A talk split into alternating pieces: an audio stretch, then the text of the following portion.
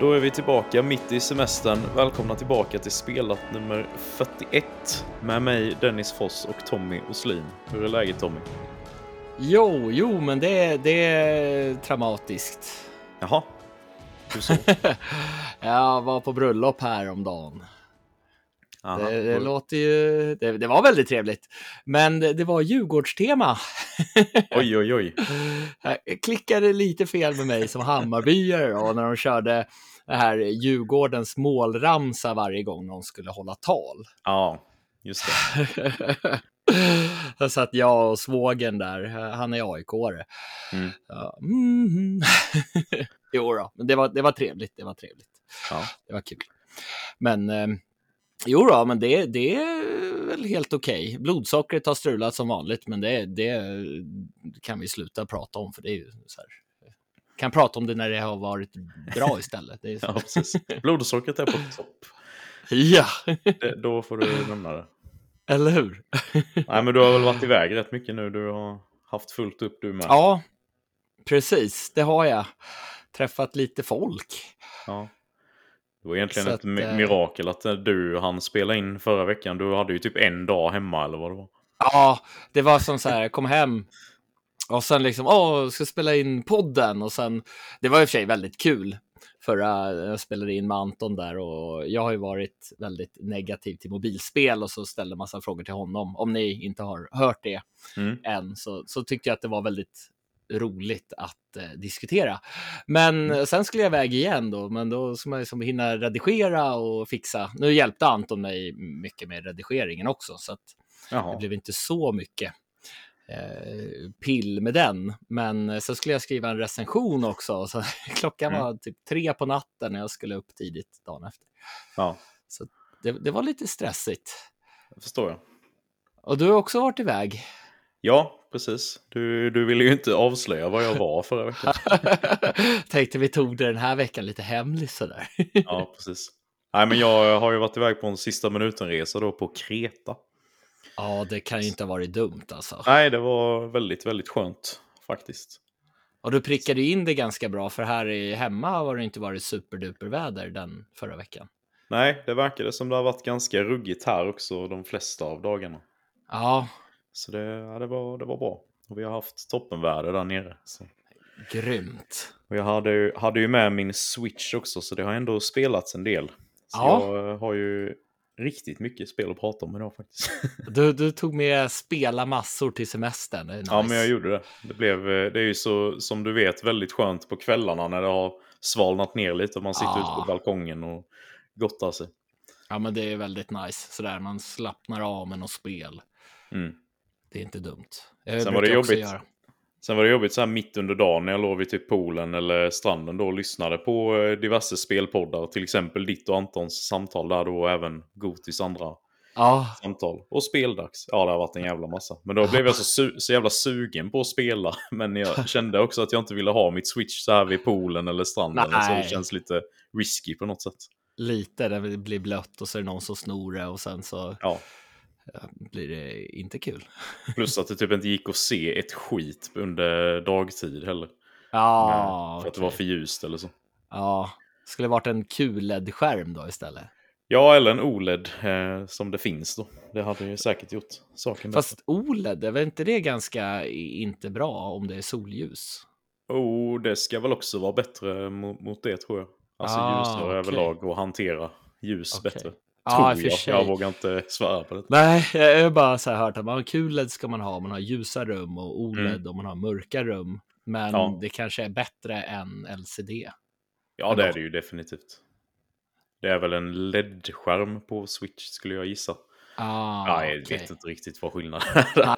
men. Det mesta är väl LED nu för tiden tror jag. ja, Inte LCD. Nej, jag har ju spelat lite på en QLED nu när jag var borta. Ja, Och jag blev så irriterad på all den här cloudingen. Alltså det, det som var mörkt var ju inte riktigt mörkt, utan det var liksom så här ljuskällor. Jag, jag vet inte, jag har blivit eh, skadad av eh, OLED tror jag. vad fan. Nej, för jag var hemma hos en kompis som köpte en sån här, ja det var också en QLED då från Samsung, de här The Frame som ser ut som en tavla eller så. Ja, Och där tyckte jag ju bilden var helt otrolig på alla sätt och vis. ja okej, det jag kanske inte Eh. var den bästa. Det var en sån här 75 tums skärm eh, som vi spelade på. Jag vet inte Mm. alls vilken kvalitet det finns annars och så. Ja, Men just det här att man har varit vant sig så mycket med det här att det mörka är mörkt. Innan tänkte Ja. jag inte på det, innan man hade liksom vant sig vid det. nej precis. Nej, jag hade velat ha en ny tv som hanterar ljus lite bättre. Eller får jag bara skaffa en rullgardin igen? Ja. Har jag en billigare lösning där tror jag. Det funkar det med, köpa Ja. på Ikea. Precis. Nej, men eh, ska vi gå in på lite spelintryck då? Ja, ja men det tycker jag.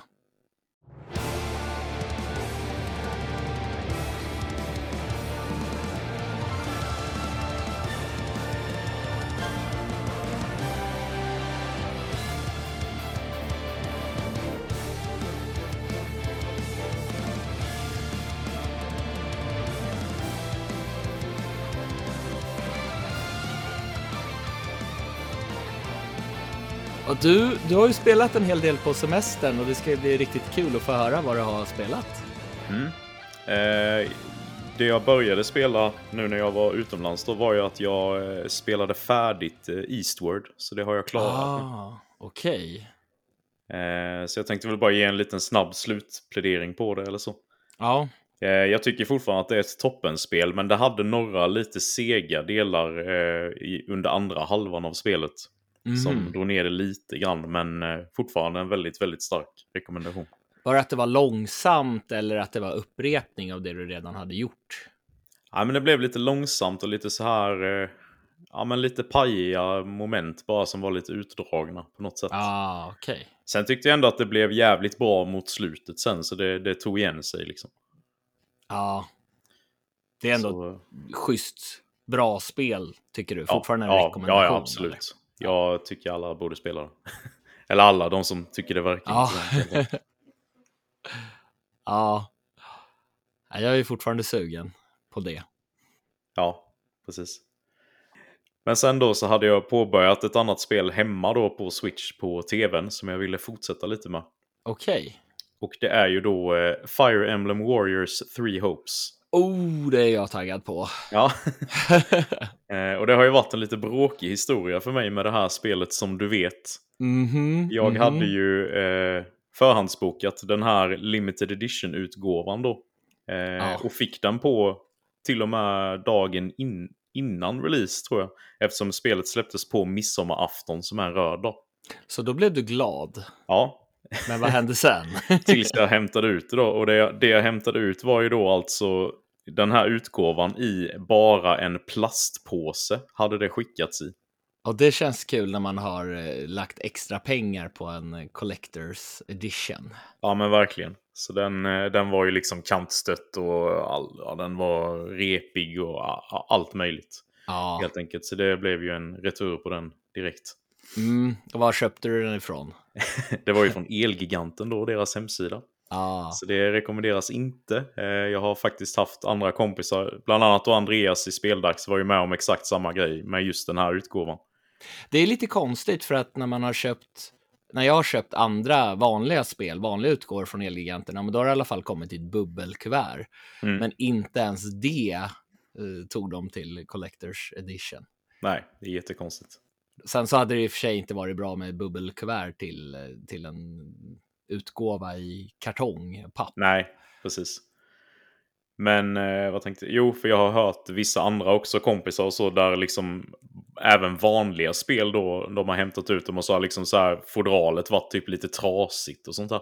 Ah, Så det, det, nej, det verkar inte vara så pålitligt att köpa spel från Elgiganten. Så det, nej. det ska man nog göra någon annanstans tror jag. Men eh, jag fick ju tag på ett till ex av den här eh, utgåvan då som jag beställde från Inet. Där Mm. är aldrig några problem. Nej. Eh, men då tog det ju tyvärr lite längre tid och innan jag kunde börja spela spelet. Så Det dröjde ju några veckor. Blev, blev det lagom till semestern då? Ja, det Ändå. blev det. Eh, jag började ju spela det någon, någon dag innan det. Ah. Men det här spelet då, det är ju ett, eh, ett samarbete då mellan Intelligent Systems som gör eh, Fire Emblem-serien och eh, Omega Force som är en av utvecklarna under Koei Tecmo då. Bästa utvecklarna? Nej, men de är Ja. ja, du är ju väldigt glad i dem. Ja. Och så är det ju utgivet då av både Nintendo och Koei Tecmo. Yes. Eh, och släpptes ju då på midsommarafton som sagt. Och eh, detta spelet är ju då... Eh, man kan säga att det är lite vad Age of Calamity var för eh, Zelda Breath of the Wild. Att det är liksom mer story i samma universum. Men då en Warriors-tappning av det. Mm. Eh, för det, det, det är ju lite konstigt för man har ju sett så här, det här är ju inte så mycket spoiler då för det har varit i trailers och allting. Men eh, huvudkaraktären från Three Houses är ju då ond i detta spelet. Oj. Så det är ju liksom en alternativ timeline då. Eh, mot huvudspelet kan man säga. Ja, ah, utspelar sig under samma tid fast i den här alternativa tidszonen? Eh, det utspelar sig två år innan händelserna i Three Houses. Aha, okej. Okay. Så prolog typ? Fast Ja, men ändå typ. inte, för eftersom att det är en annan timeline. Ja. Eh, så man spelar som en ny huvudkaraktär då som heter Chess. S-H-E-Z. Jag har för mig det uttalas så i alla fall. Mm. Eh, tycker att den här huvudkaraktären är inte sådär jättebra. Eh, tycker han är, lite, han är lite för generisk. Eller han eller hon, man kan ju välja kön på, på karaktären då. Okej. Eh, men det som är lite skönt är att eh, karaktären inte är en silent protagonist eller så, utan den är ändå voicead liksom. Mm. Så det ger den ändå lite mer personlighet, men jag tycker ändå att den känns lite tråkig på något sätt. Eh, Jag vet Ja. inte riktigt vad det är. Men det är, en, det är bara en liten grej så. Eh, Men man jobbar då som mercenary. Vet inte riktigt vad man ska översätta det till. Legoknäckt va? Ja, men typ så. Eh, och man hamnar ju då tidigt i en stor fight mot eh, Geralds Mercenaries som eh, man kan känna igen från Three Houses då, där Byleth, eh, huvudkaraktären i Three Houses då, är den, den ledaren av truppen eller vad man ska säga. Ja. Och man hamnar ju i fight mot honom och blir ju i princip dödad då i Oj. den här fighten. Men man kommer då i kontakt med någon form av eh, ja, men ande typ, eller någon så här övernaturlig varelse som kallas för Arval. Som påminner väldigt mycket, eh, nu har ju inte du spelat sådär jättemycket av Three Houses, men där har man ju Nej. också en så här typ som en ande med sig hela tiden som bara du kan se, som man har mycket konversationer med. som är Ja, något det, mystiskt väsen liksom. En liten förnimmelse av det, om jag kommit Ja. så långt. Det, här är, det här är typ samma grej liksom, för det är bara du som kan se den här Arval då och prata med den och den gör ju då att du klarar dig från döden och får eh, ma- magiska krafter då så att du kan typ, man blir typ som en demonform ungefär och blir så här superkraftfull under en viss tid då. ah, okej. Så det, det är ganska häftigt faktiskt. Eh, och efter, efter detta då så eh, ha, träffar man ju de här tre ledarna i de här olika husen då från Three Houses. Och eh, de, de eh, man eh, bestämmer sig för att hänga med dem till den här skolan då i Three Houses. Eh, Office, Officers Academy för att man vill liksom bli starkare då och kunna hämnas på de här Geralds Mercenaries. Ja. Så det är ju egentligen grundpremissen. Och när du kommer dit då så är det ju precis samma grej där. att Du får välja eh, vilket av de här husen du ska vara med. Och då är det ju samma karaktärer i de som var i huvudspelet då. Okej, så att det har ändå en så här replay value om man känner Ja, att det absolut. Ja, Och jag tror också att storyn blir lite annorlunda beroende på vad man väljer. Eh, utan att säga för mycket så var det ju, har jag hört att det skiljer ganska mycket i Three Houses beroende på Ah. vilken man går med. Och jag tror att det kommer vara samma sak här. Så jag, jag spelade ju med Golden Deer då i Three Houses, så jag valde dem igen då för att jag ville ha eh, åter... Ett, eh, vad säger man? Ville träffa alla de karaktärerna igen liksom. Jag ja. tycker de är sköna.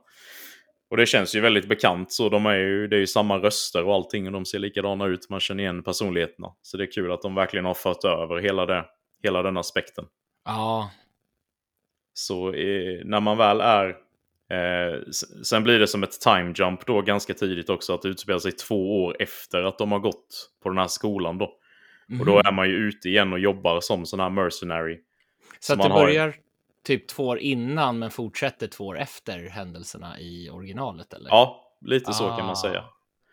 Eh, men, då är man ju istället för att man har skolan som bas då så har man ju som ett stort så här war camp typ. Mhm. Eh, och där då, det är där du spenderar tid emellan fighterna och kan gå runt och prata med dina allierade och kunna ge dem gåvor och du vet bonda med dem med olika... Man kan göra så här shores ihop och man kan ha middagar ihop för att liksom bonda och låsa upp Ah. nya support levels med de olika då. Då får man ju såna här små cutscenes där de, ja, de bondar liksom, man lär känna dem mer. Kan du spela med olika karaktärer eller är det din huvudkaraktär du spelar som hela tiden? Eh, i, när du går runt i campet eller så så är det bara huvudkaraktär, men i fighterna kan du spela som alla i ditt Nice. eh, lag eller så. Så det, det är väldigt härligt och de känns väldigt distinkta också. Ja, Men eh, vi kan gå över lite till att prata om själva eh, stridernas gameplay då. ja. För det här är nästan du mer bekant än vad jag är i Ja, det här det här- Warriors-upplägget. här är jag nyfiken. Men det är ju ganska klassiskt då till, en, till en början tror jag att man, eh, man springer runt liksom och matar ner hundratals fiender. Och sen så dödar du ju liksom olika kaptener då för att ta över baser. Kan man ju säga. Mm. Och eh, så kan det ju ibland bli bara, ah, nu, håller, nu kommer det förstärkning här borta, då måste man springa bort dit så att inte de... Ja, ibland kan det vara en som ska ta sig till ett ställe och då, om han tar sig dit så kommer det förstärkningar så då måste man springa och döda honom innan han hinner fram.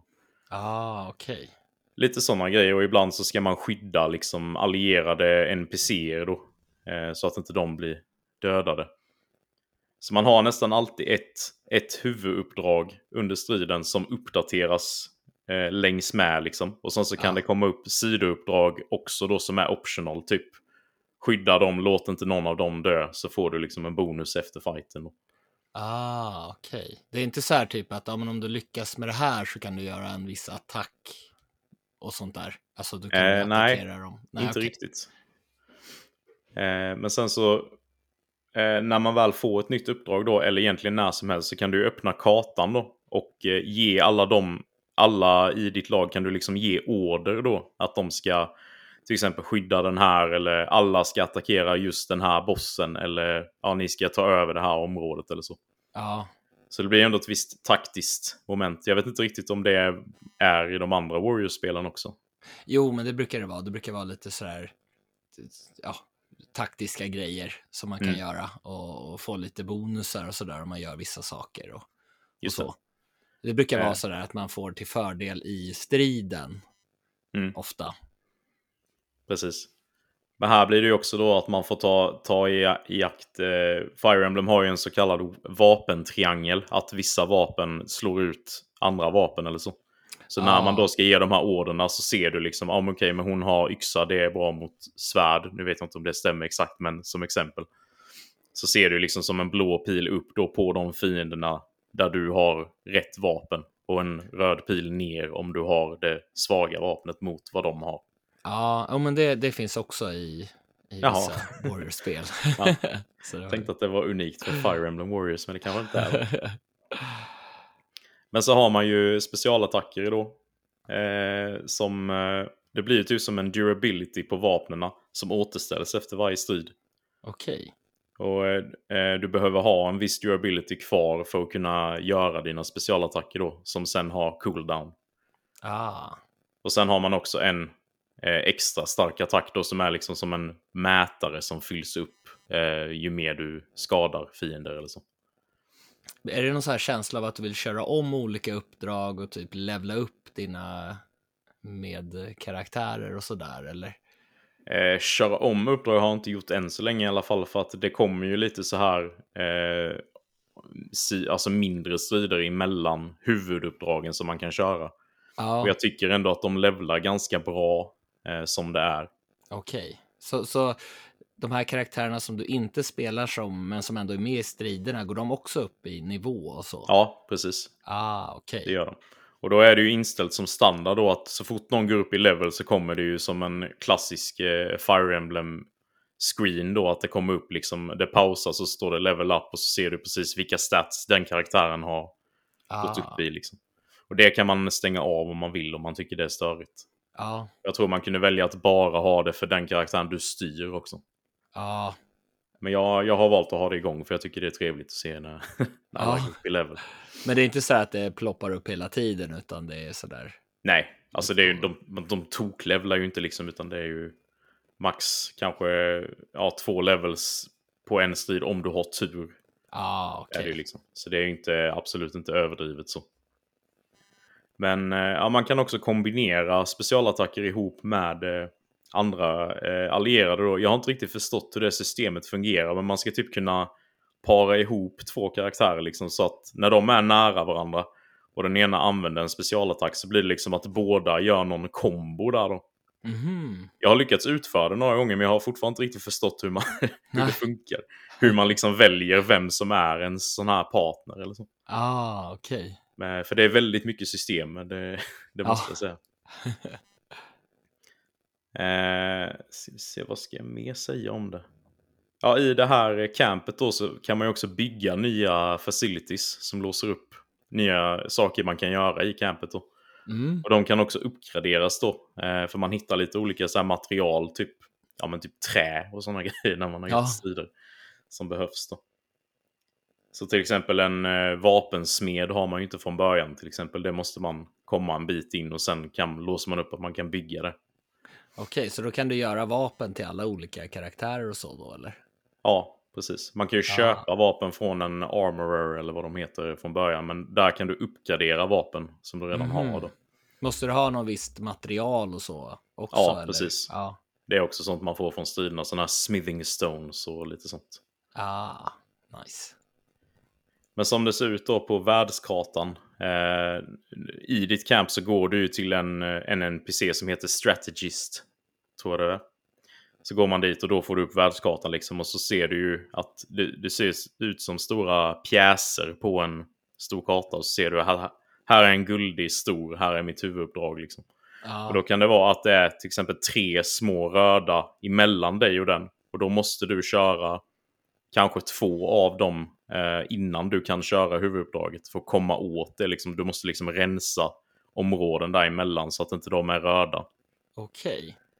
Så då, då blir det ändå att man får köra en del så här lite mindre strider då. Mm. Men, eh, men jag tycker det känns, eh, känns kul än så länge. Ja. Striderna och så. Jag blev väldigt... Eh, till en början var jag lite smått skeptisk till spelet. Okej. Jag tyckte att det var lite så här, lite långsamt. Storyn är inte så där lika episk och engagerande som, som Three Houses var. Utan det Nej. känns lite så här, lite krystat på något sätt med att det är en alternate timeline och så här. Men, eh, ja, men det är ändå helt okej story så. Mm. Men jag blir ändå väldigt, eh, väldigt engagerad i det här med, med karaktärerna. Att man håller på och pillar lite. Ja, men nu måste jag se till så att han har full mo- moral då. För att då gör han mer skada i nästa strid. Så jag måste, jag måste köpa lite gåvor till honom här nu så att han, han blir mer pepp liksom. Och lite sånt där. Ah.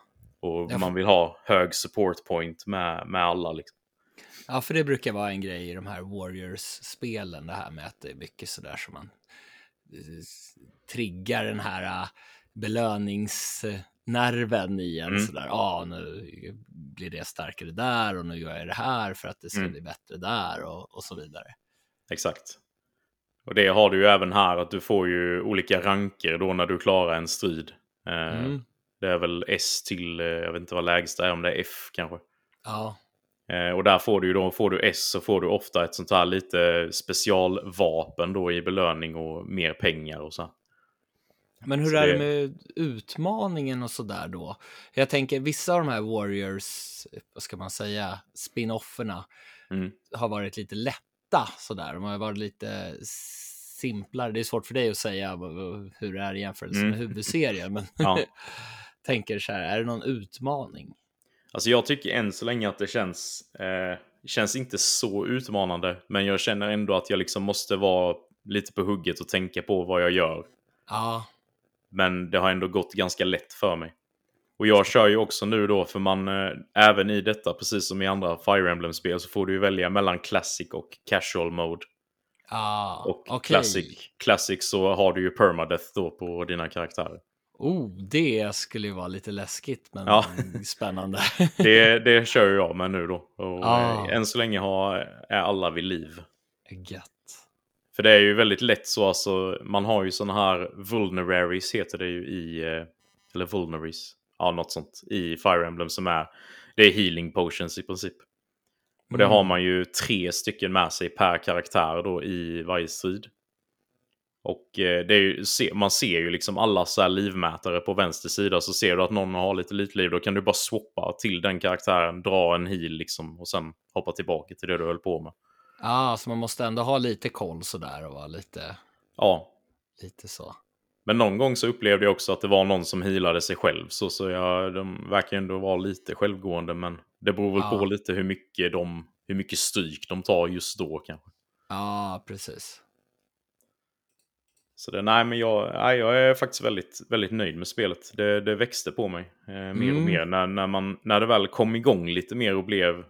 När det, efter prologen eller så känns det som det tog fart mer och det blev mer Three Houses väldigt mycket emellan striderna.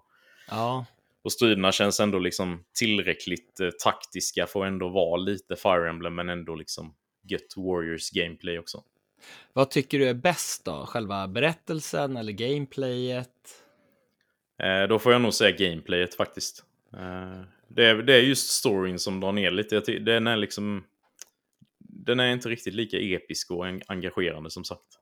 Det, det jag tänker lite på är om du kanske ändå skulle gilla Warriors-spelen och sådär, om du Mm. skulle testa dem. Ja. Inte omöjligt. Nej. Jag tyckte ju ändå att eh, Hyrule Warriors var helt okej. eh, när jag spelade det första alltså. Ja, Eh, men där var det ju liksom, det var ju den sämsta storyn någonsin som de bara slängt ihop för att alla de här olika karaktärerna skulle kunna stöta på varandra. Typ. Ja, så, här, i Warriors-spelen så brukar liksom inte sto- huvudstoryn vara så där jättespännande. Det kan vara lite småmysigt, men det är Mm. själva gameplayet som är bra, Ja. tycker jag.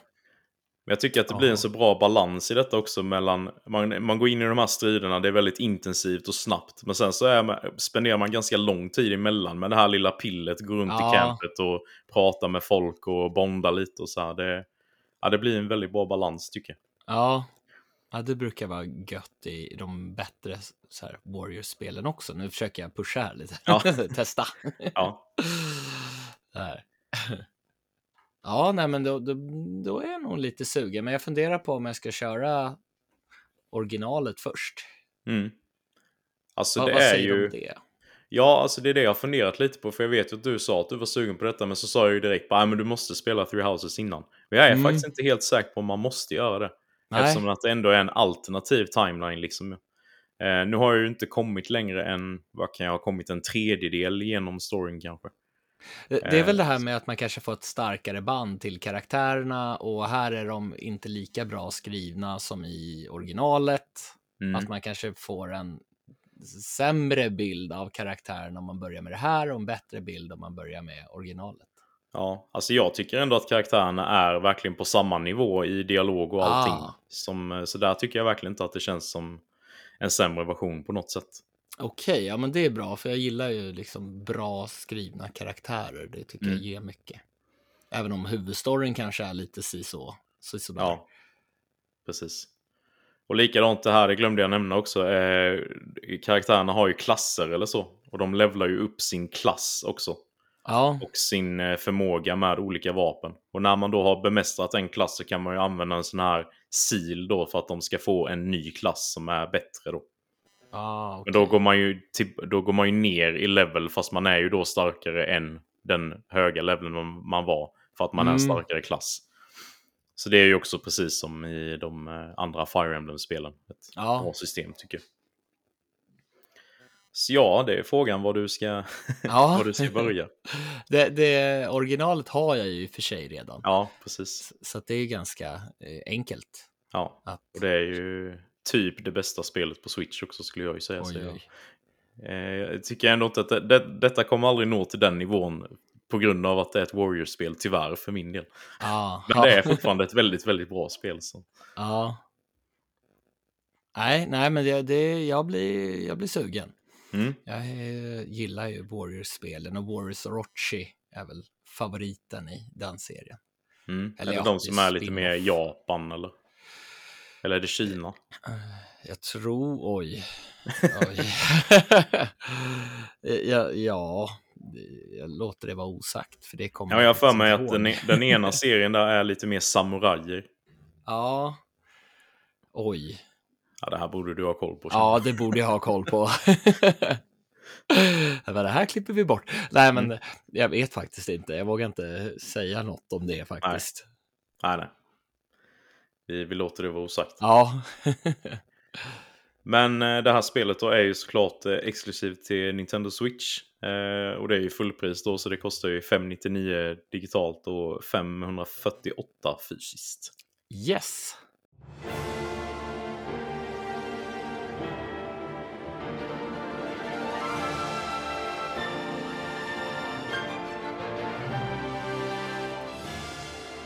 Då vill jag höra lite vad du har hittat på i spelväg på sistone. Ja, jag har testat ett spel, eller jag har spelat mer, men ett, ett av de här spelen har jag testat i kvart, 20 minuter, en halvtimme. Jag är jättedålig på att veta hur lång tid och sådär är, men och det är ett spel som har låtit så sjukt tråkigt Ja. i, eh, i recensioner och sådär. Ja, Men det har fått väldigt bra betyg. Men jag tror att det är ett spel som är väldigt, väldigt svårt att beskriva. mm. Och det är Death Stranding. Alltså, det, det är sådär, jag var jättenyfiken på det här innan det släpptes. Mm. Det var, det var så mystiskt allt det här med den här. Det var någon bebis mitt i all misär som var där och det var, var väldigt svårt ändå att förstå vad det handlade om och sen när det släpptes så, åh, du ska gå och lämna post. Ja. Paket. Mm. Ja, Postnord Simulator. Post, Precis. posta. Och, men gud vad det var stämningsfullt. Mhm. Nu, nu spelade jag det här med världens ljudsystem som jag inte kommer göra hemma Mm. däremot. Men eh, det var fruktansvärt snyggt och de har verkligen fått rätt på stämningen. Men jag tror fortfarande att det här spelet, det, det i alla fall för mig, så tror jag att det, det är ett spel som är väldigt svårt att sälja in till mig genom att berätta om det. Ja, det Eftersom behöver att, upplevas. Ja, precis. Så det känns som att det kan bli en riktig upplevelse. Mm. Så det, det ska jag fortsätta på när jag får möjlighet att, att sitta ner och spela i lugn och ro Mm. och verkligen dyka ner i spelet. Jag blev eh, förvånad över hur mycket jag gillar det eftersom att jag hade typ skapat en bild i huvudet av vad det var för typ av spel som det stämde ju absolut inte. Nej. Nej, men vad roligt att du, Ja. blev, du blev såld ändå. Ja, Jag har ju då spelat hela spelet på eh, Playstation 4. ja, det, men jag var ju också så här väldigt skeptisk till det. Jag var, jag var väldigt, väldigt taggad inför release. Precis som du säger så var det liksom så himla konstigt och mystiskt. Eh, verkade liksom hela världen och storyn och så. här. Sen så blev det aldrig att jag köpte det på release för jag var inte tillräckligt övertygad. nej, Men sen eh, var det på rea, jag vet inte om det var samma år eller året efter. Eh, så då slog jag till då och bara och gav mig in liksom. ja, Det var lite så här till en början, jag tycker, tycker precis som du säger har de satt atmosfären hur bra som helst. Eh, man är väldigt investerad i storyn. ja, det känns ju verkligen som vad, vad fan är det som händer? Ja, exakt. Och vad är det här för värld liksom? ja, Eh, men så, så eh, börjar man ju mycket med det här, de här leveranserna då som man gör för att liksom connecta eh, ett splittrat Amerika då. Det är ju det det går ut på liksom. ja, jag har ju bara gjort en leverans så att jag har ju Mm. precis bara känt på det. Ja, Första så här, tutorial-leveransen typ. ja precis. Men eh, ja, det finns ju ändå ett väldigt djup i det. Eh, och jag tyckte storyn var väldigt bra. Härligt. Däremot så kommer jag till en punkt i spelet efter typ... Spelet är ju väldigt långt. Det tog ju mig en bit över 50 timmar att klara. Ja, Eh, och efter typ så här 20-25 så kom jag till en punkt där jag kände bara, nej men nu känns det här ganska tråkigt, typ jag orkar inte mer. okej. Så då la jag ner det ett ganska bra tag och plockade sen upp det igen och körde färdigt då. Mm, Eh, men det kändes bara bra liksom att jag tog den pausen för då blev det att jag fick tillbaka suget efter ett tag och ja, slutförde det. så det är inget så här spel som det gör så mycket om man lämnar en stund eller? Annars kan Eh. jag känna att det är svårt att komma in i vissa spel igen om man har tagit en paus. Alltså kontrollerna och så var ju ganska lätta att komma in i igen. Mm. Eh, det var väl mer storyn så här att det var Eftersom det är väldigt mycket som händer och det är väldigt skruvat. Så mm. var det lite så här, jag fick nästan gå, gå och läsa lite. Vad, vad var det som hände här nu? Och så här. Ja. Fick uppdatera mig själv lite. Men, äh, men det funkar bra. Jag tycker ja. att det är ett väldigt, väldigt bra spel och framförallt unikt. Gött. Och jag är ju egentligen väldigt sugen på att dyka ner i Kojimas andra verk. För jag har ju oh. då inte spelat Metal Gear Solid. Ja, det serien. är ju fantastiska spel. Speciellt ettan till trean har jag väldigt goda minnen av. Mm. Fyran mm. spelade jag aldrig så mycket för jag kom inte riktigt in i den här känslan och femman är bara värdelös. Ja. Eh, tänker jag. Mm. Eh, men ja, det har, sen... ju, det har ju ryktats lite om någon remake där på om det nu är ettan eller om det är trean. Det har varit lite olika rykten där men det ja. hade ju varit trevligt för min del. Ja, det förstår jag. Jag hade ju verkligen velat ha en remake på ettan känner jag. Mm. För den, det är väl det, det enda av de spelen jag aldrig spelat igenom riktigt. Även om jag ja. verkligen har gillat den här Twin Snakes som kom till GameCube. Just det. När det kom. Men mm. jag körde aldrig igenom det av någon Nej. anledning. Men sen har jag ju eh, varit ute på tennisbanan också. Ah. Eller ja, digitala tennisbanan ska jag säga. Tenning, mm. ten, tennisbanan, tennisplan, mm. jag vet inte riktigt vad man säger. Nej. så jag har spelat Matchpoint Tennis Championship. Just det. Och det, det liksom utsäger sig för att vara väldigt så realistiskt. Och tänkte jag, men finns det också någon charm under ytan? För att jag kommer ihåg när jag testade Virtua Tennis till Dreamcast för första gången, de här två första delarna i serien, alltså jag la väldigt mycket tid på det. Mm. Men det var ju så här arkadigt, men varje gång det släpps ett nytt tennisspel så har jag ändå en så här liten förhoppning om att det ska ha något från den här magin från den här arkadiga tennisserien. Mm. Men Matchpoint är ju inget arkadspel i grunden. Men det har en aspekt sådär som jag gillar väldigt mycket. Eh, jag vet inte, det kanske kan vara något negativt för vissa, men, men jag tycker att det är positivt. Och det är att man ser en liten, liten skugga när man styr vart man ska slå bollen. Man ser den mm. alltså på motståndarens planhalva. Nu säger jag säkert fel om Eh, jag vet inte riktigt vad det heter. Du menar, du menar där bollen kommer landa? Ja, ja. precis. Så om man till exempel ska slå en eh, lobb, ja men då, då ser du liksom, okej okay, den kommer landa där, han spelar där, ja men, eller han spelar den, den som spelar. så då slår man in, eller vanligt slag eller sådär. Och det mm. beror ju lite på också var, var du slår någonstans, då kanske det är svårare att lägga den på olika ställen. Mm. Men det är, det är liksom så ett moment som ändå känns lite arkadigt, som jag gillar. Och så har man en form av en mätare som avgör hur hårt slaget är och håller man in den för länge, ja, men då blir det liksom ett rött slag och då blir det liksom inte så himla bra.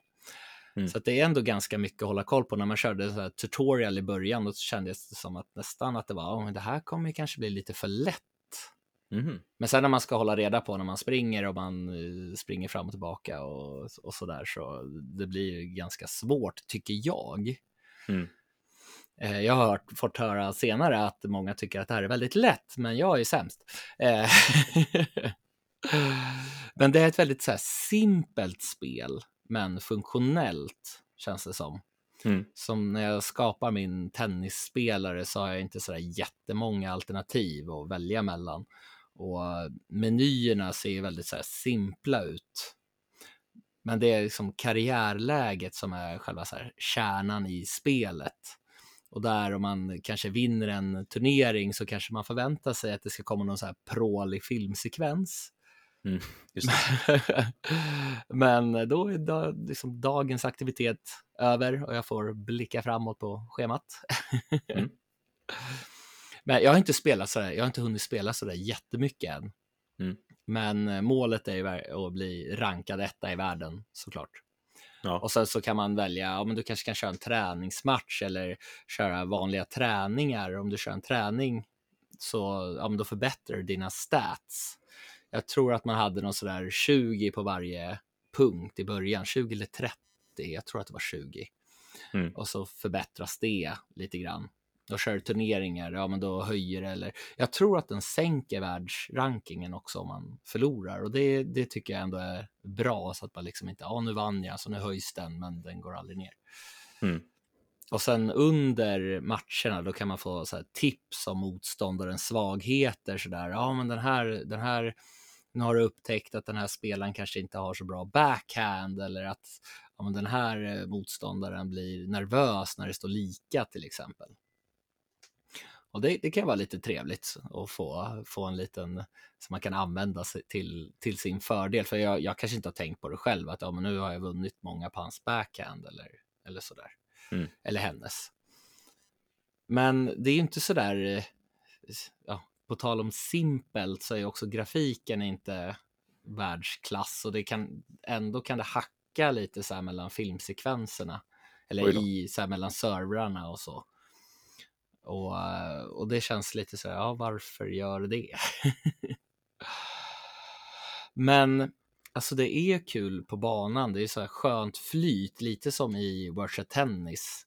Det är mm. inte hackigt som jag upplevt av, i flera av dagens tennisspel sådär. Men samtidigt finns det liksom inte riktigt någonting som verkligen lockar mig liksom till att fortsätta. Men jag kan tänka mig att det, om man ska ha en spelkväll till exempel så kan det säkert vara kul att möta någon kompis ja, men i en eller två matcher innan man fortsätter med något annat spel och så. Mm. Men jag tror inte att det är något spel jag kommer lägga ner massor med tid på ändå. Nej. Och eh, det kostar 529 kronor digitalt och sen runt 400 fysiskt. Mm. Men, men jag tycker ändå att spelet på banan känns roligare än i många av de andra nya tennisspelen som har kommit. Så att det är ändå liksom sådär att ja, men det finns någonting, men mm. inte riktigt där. Fast det, det, det, ska ha ett rankat online-läge. Jag har inte testat det än. Och det är oj, oj, oj. Ja, det kommer långt på det. ja, så, så det kan väl liksom vara så spännande att testa. Och jag vet inte, jag, nu har jag inte testat det, så jag vet inte om man kör med sin egenskapade karaktär eller om man spelar med de eh, tennisspelarna som finns i spelet. Mm. Nu har jag väldigt dålig koll på vilka stjärnor det finns bland no, kvinnor och herrar. Ja. Eh, men, eh, men det finns inte så många tennisspelare och det är liksom inte kanske de här många av de största namnen. Jag tror att den kvinnliga tennisspelaren som är högst rankad tror jag var rankad 10. Jag kan vara fel, men någonting sånt mm. i världen. Så att det är liksom simpelt eh, och så på det sättet också. Så att det är ja, svårt att säga så här, liksom, ska jag rekommendera det här? Det, det är liksom roligt att spela en liten mm. stund. Och sen, sen eh, ja, så, så är det inte riktigt någonting som drar mig tillbaka. Så här. Det var kul när jag spelade, men sen när jag inte spelar så känner jag inte direkt någon dragningskraft. Ibland kan man ju tänka sådär, ja, men jag vill bara fortsätta. Ja. Jag gör någonting annat just nu för att jag måste, men jag vill bara hem och sätta igång det här spelet. Ja, precis. och det känner jag inte. Nej. Men det finns till eh, Playstation 5, Playstation 4, Xbox X och S och Xbox One, PC och Nintendo Switch. Mm. Så att det finns till väldigt många format. Och ja, nej men alltså jag, jag kommer nog fortsätta ändå och speciellt att testa det här online-läget.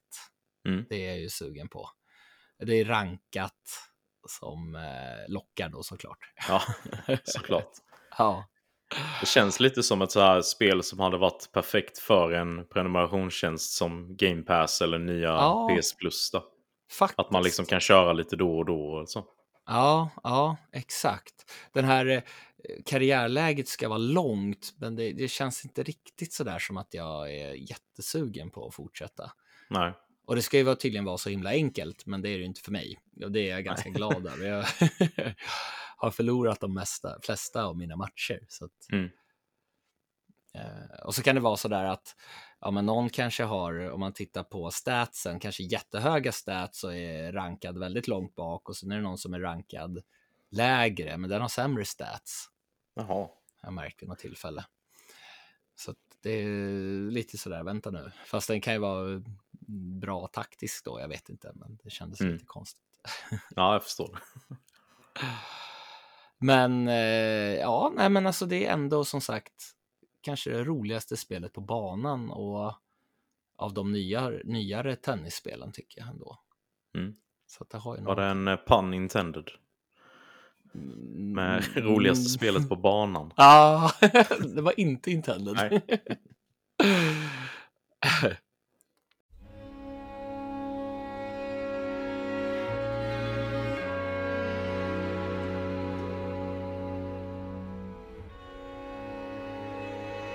Ja Dennis, du har ju spelat fler spel. Precis, jag har ju spelat lite Playstation också. Ah, Och då har jag ju spelat ett spel som eh, släpps idag, när det här Mhm. avsnittet släpps, som heter Hellpie. ah, det som ser ut som, jag tyckte i alla fall att det, looken påminner om Wind Waker, men det är inte ett Zelda-liknande spel Nej. i grunden va? Det är ju mer ett eh, rätt så klassiskt eh, 3D-plattformsspel. Ah, okej. Och lite det som eh, detta spelet grundar sig i är att det är väldigt eh, obscen, skriver de då. Att det är eh, ett väldigt överflöd av snusk, eh, blod, svordomar, eh, Okej. naket, allt möjligt. Eh, så det, ja, det, jag kände att det var väldigt intresserad att se vad det här är för något. Det lät sådär väldigt eh, galet. Ja, det är, det är väldigt galet. Premissen är då att man, eh, man spelar som en demon som heter Nate. Mhm. Han jobbar på kontor. Eh, detta kontor är i, i detta fall helvetet. Oh. Så eh, man får ett samtal där då på, på sin telefon och då är det ju då Satan som ringer, som är chefen då.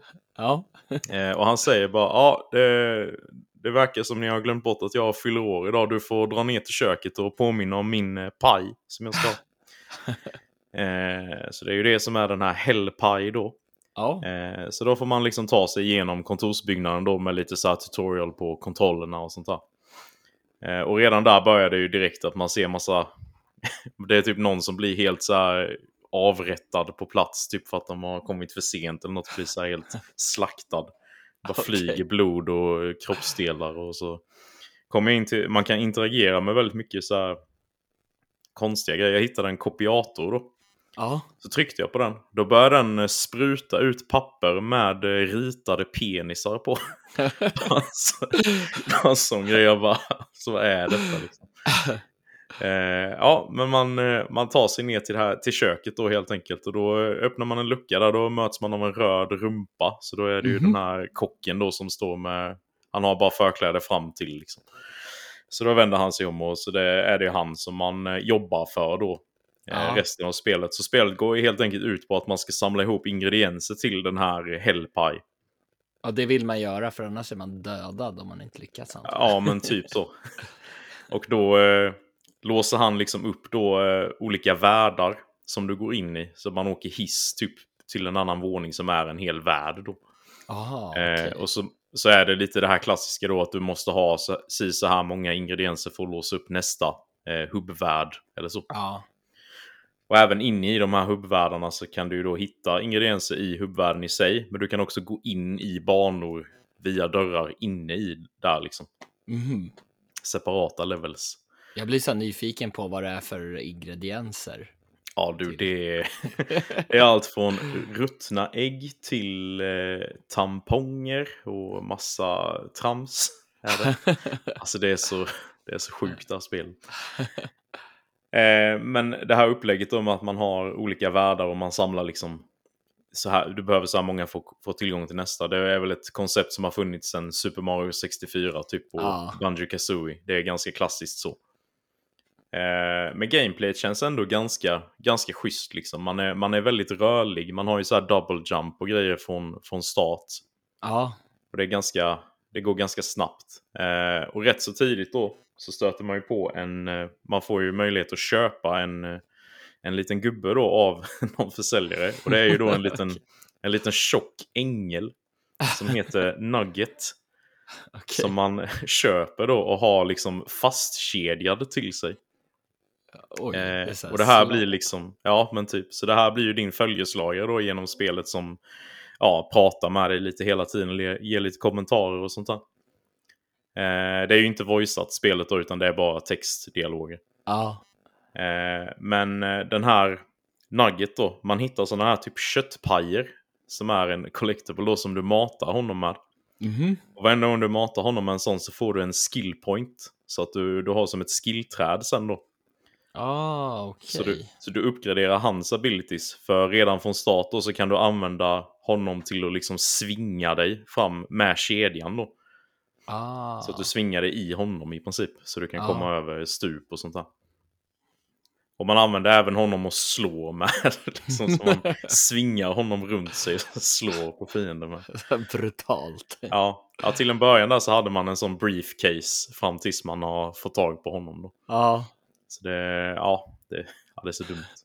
Men, men det är bara sådär färdigheter man låser upp. Det är inte sådär, ja nu får du mer liv eller nu blir du starkare. Jo, det är lite såna, eh, vad säger man? Tappar jag ordet. Eh, Passiva abilities också. Ja, Typ att du hoppar snabbare och svingar snabbare och lite sånt där. ja Eh, okej. Jag har inte fått sådär jättemånga än så länge. Nej. Men eh, det ska finnas en hel del i alla fall. Sen så samlar man också så kallade unilambs. Och det är alltså Mhm. små lamm som har ett horn. så de är som enhörningar. Och de, eh, det hittar du sådana här altaren. och vid de här altaren så offrar du de här lammen då. Så man, det blir verkligen sån här cutscene att man verkligen brutalt avrättar dem då liksom. Och då kommer du in i någon form av tutorial level där du får nya horn till din eh, huvudkaraktären då. Eh, och de här hornen ger då en liksom specialkraft. Typ den första jag stötte på gjorde att jag liksom kan springa jättesnabbt när jag håller in en trigger. Ja.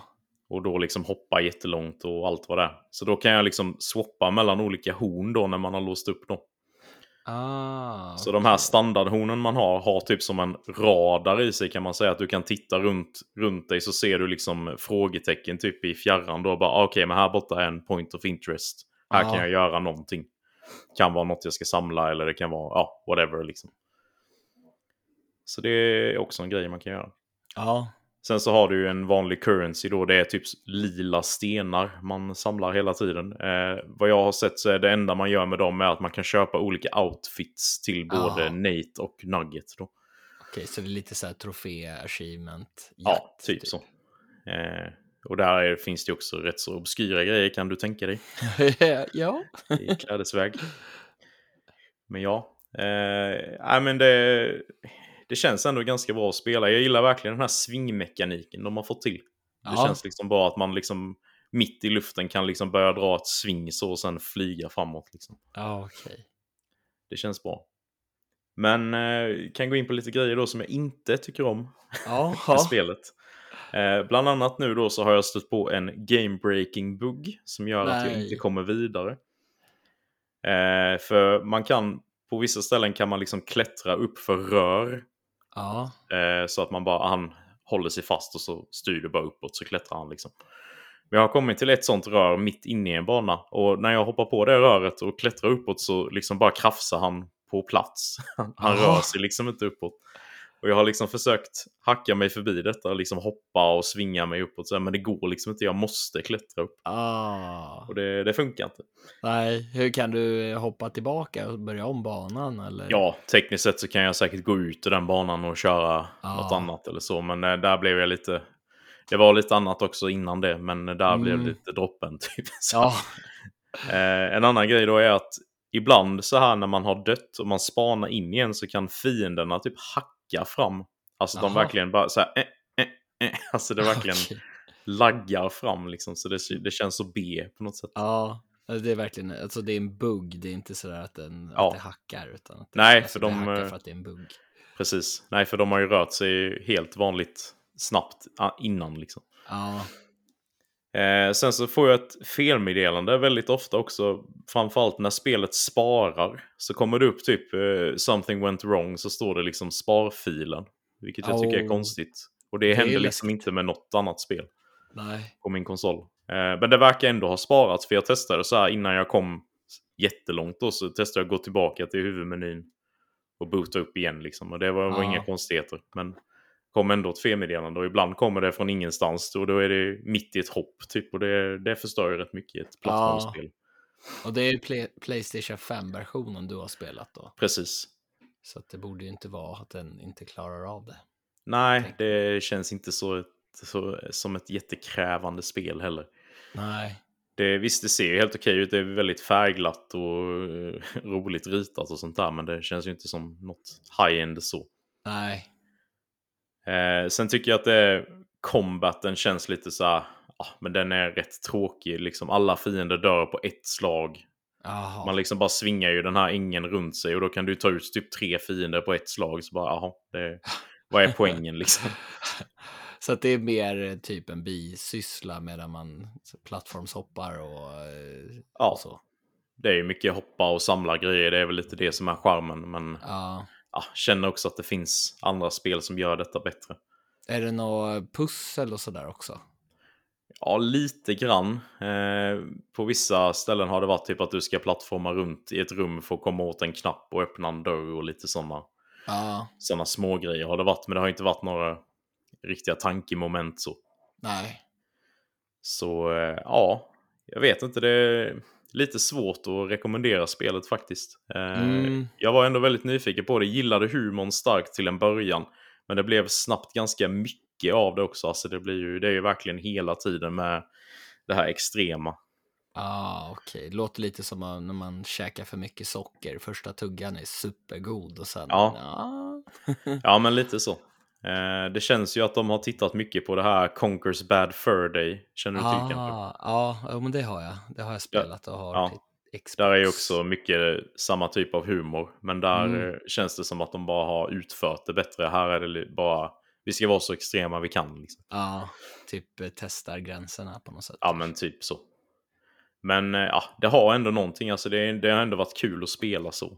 Så Mm. det, jag kommer nog fortsätta lite till i alla fall. Men jag tror inte jag kommer slutföra det. Så, så mycket tycker jag inte om det. Men jag, ska, jag hoppas på att det blir en ganska ordentlig day one-patch här nu som eh, fixar de här grejerna som jag Ja. upplevt. Då.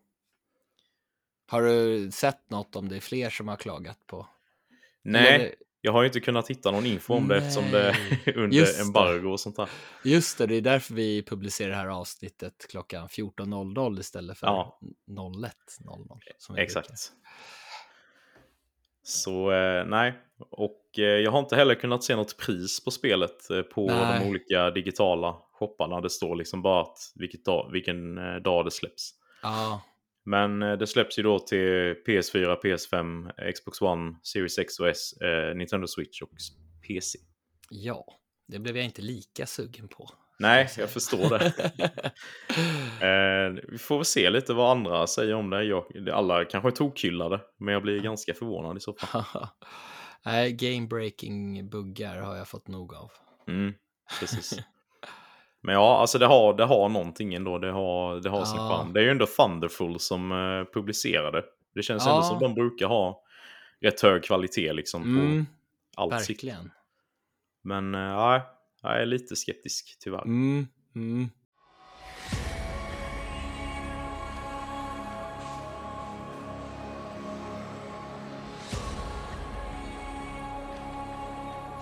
Vi har ju spelat ett, eh, plattform, ett annat plattformsspel båda två. Just det, Vi får se om du gillar det mer eller Ja. inte. precis. Och det är ju Klonoa Fantasy Reverie Series. Yes. Och så här, under Playstation 1 och Playstation 2-tiden, det kom ju liksom verkligen en drös av sådär maskotspel. Det försö- de försökte ju verkligen hitta något svar på Mario och Sonic till Sonys maskin. Precis. Men, men eh, Klonoa Door to Phantomil, jag vet inte hur det uttalas, Phantomile, Phantomil? Ingen aning. Nej. det, det utvecklades ju inte av Sony själva, men Namco, som de hette då, nu är det Namco Bandai som Mm. slogs ihop, ihop sig med. Det släpptes ju till Sonys första konsol under 97. Och sen kom det också en uppföljare, Klonoa 2 Lunar ja, hur uttalar man det då? Lunateas Whale till Playstation 2. Precis. Och den här första delen, den fick ju en remake till Wii under 2008. Och det är den Mm. som den här samlingen baseras på. Eh, även om vi, nu får vi med både originalet och uppföljaren i den här samlingen. Ja. Och som, eh, man spelar ju som en, eh, ja vad är det för något? En kattkanin? En kanin, tänker jag. Mer en kanin än katt i alla fall. Okej, ja, jag tänkte katt och sen de där Jaha. öronen. Så, mm, jag vet inte. Ja. Han har Pacman-keps också. Ja. och det finns ju en berättelse i här, de här spelen, men jag tappar ju fokus väldigt snabbt på storyn. Mm.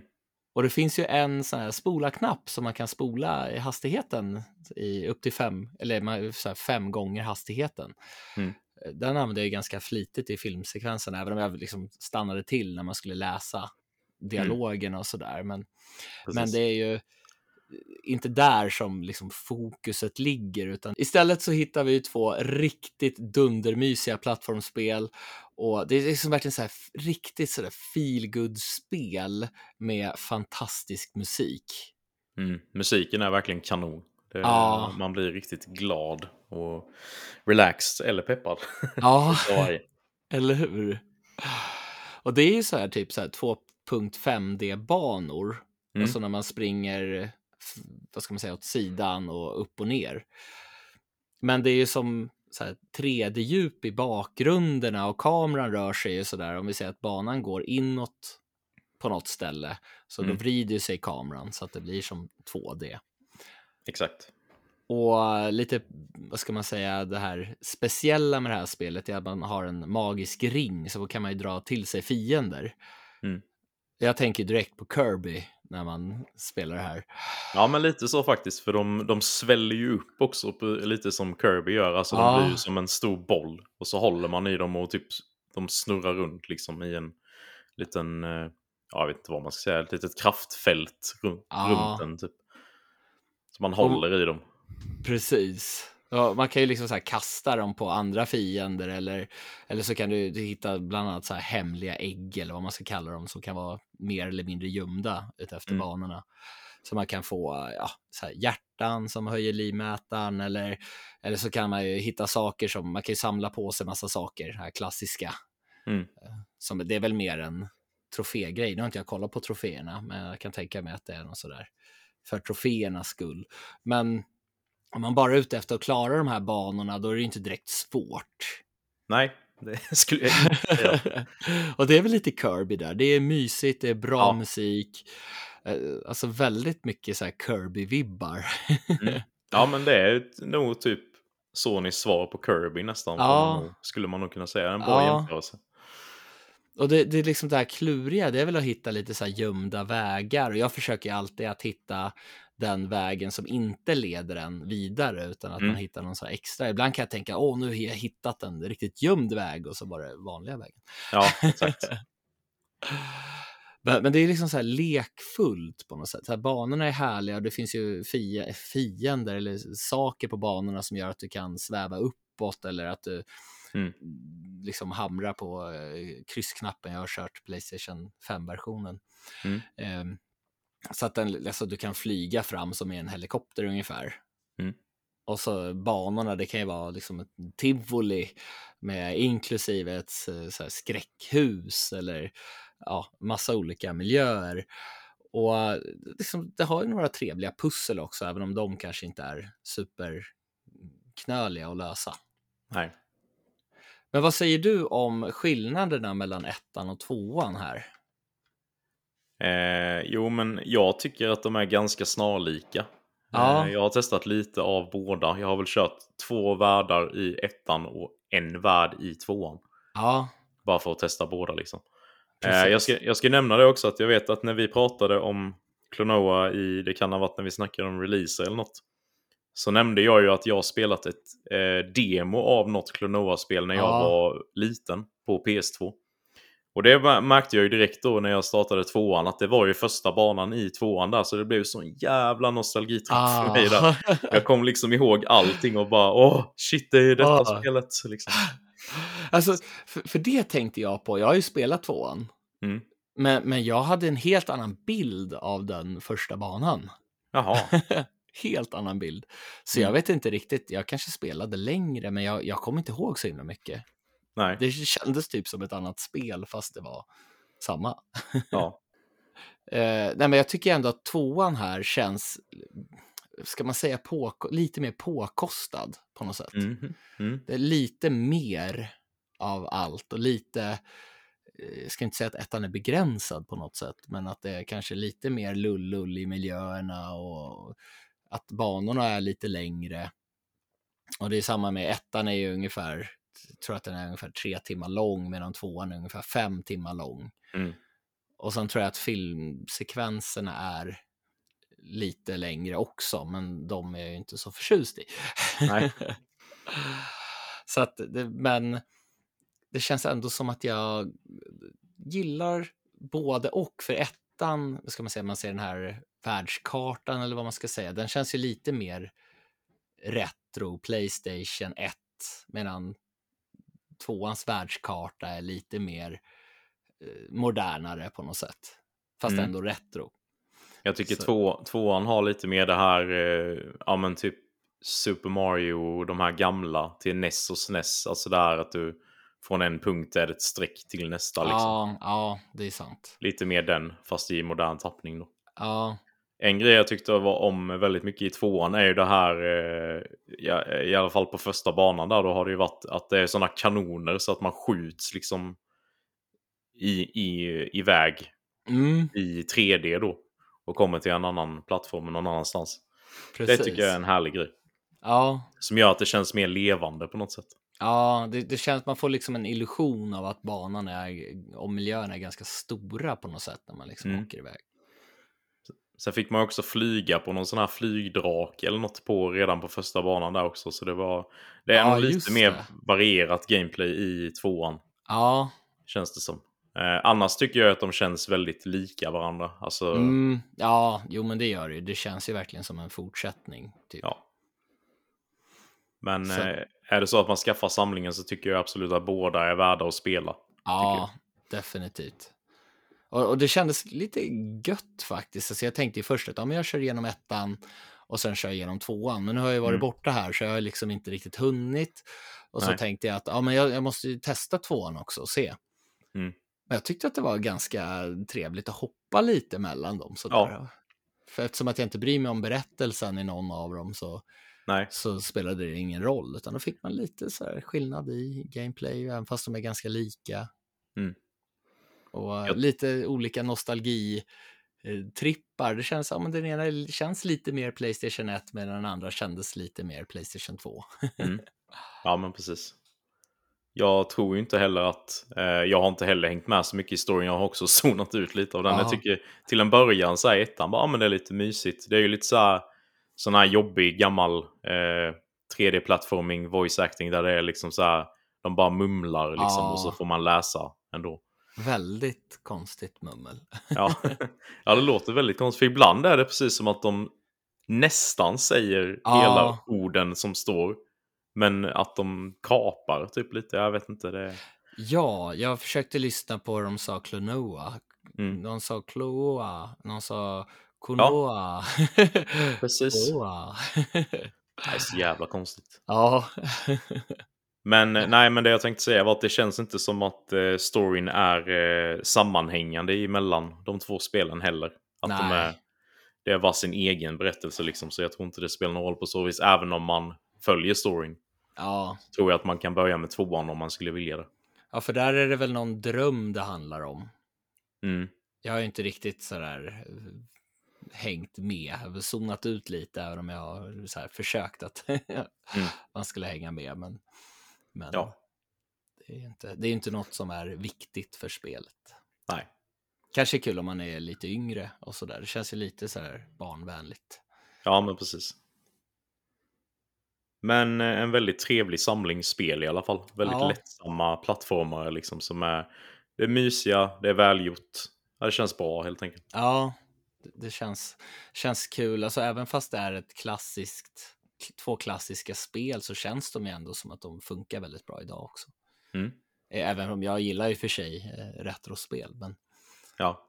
men ja, nej, men de är en riktigt trevlig samling och det finns ju till Playstation eh, 5 och det finns till eh, Xbox Series X och Nintendo Switch, Playstation 4, Xbox One och PC och alla, alla konsoler ja, nästan som är nya. det är perfekt. Och det finns ju både fysiskt och digitalt med va? Ja, ja, det kostar ju ungefär 529 kronor digitalt och sen 450 kronor fysiskt. Mm. Så att det är liksom om man tycker att det, det är väl ungefär, jag har inte klarat det än, men det är väl ungefär åtta timmar långt. Mm. Så att om man ändå tycker att ja, men åtta timmar mys, mysigt plattformsspel så är det ju verkligen en väldigt stark rekommendation. Ja, absolut. Om man inte har problem med att det, det känns för kort liksom. Då får Ja, man väl invänta rea.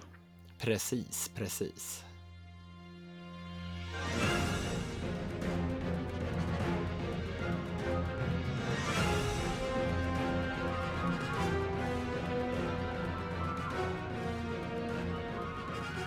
Förra veckan så hade vi ju som sagt med eh, Anton från Gotipodden i, i vår podd här.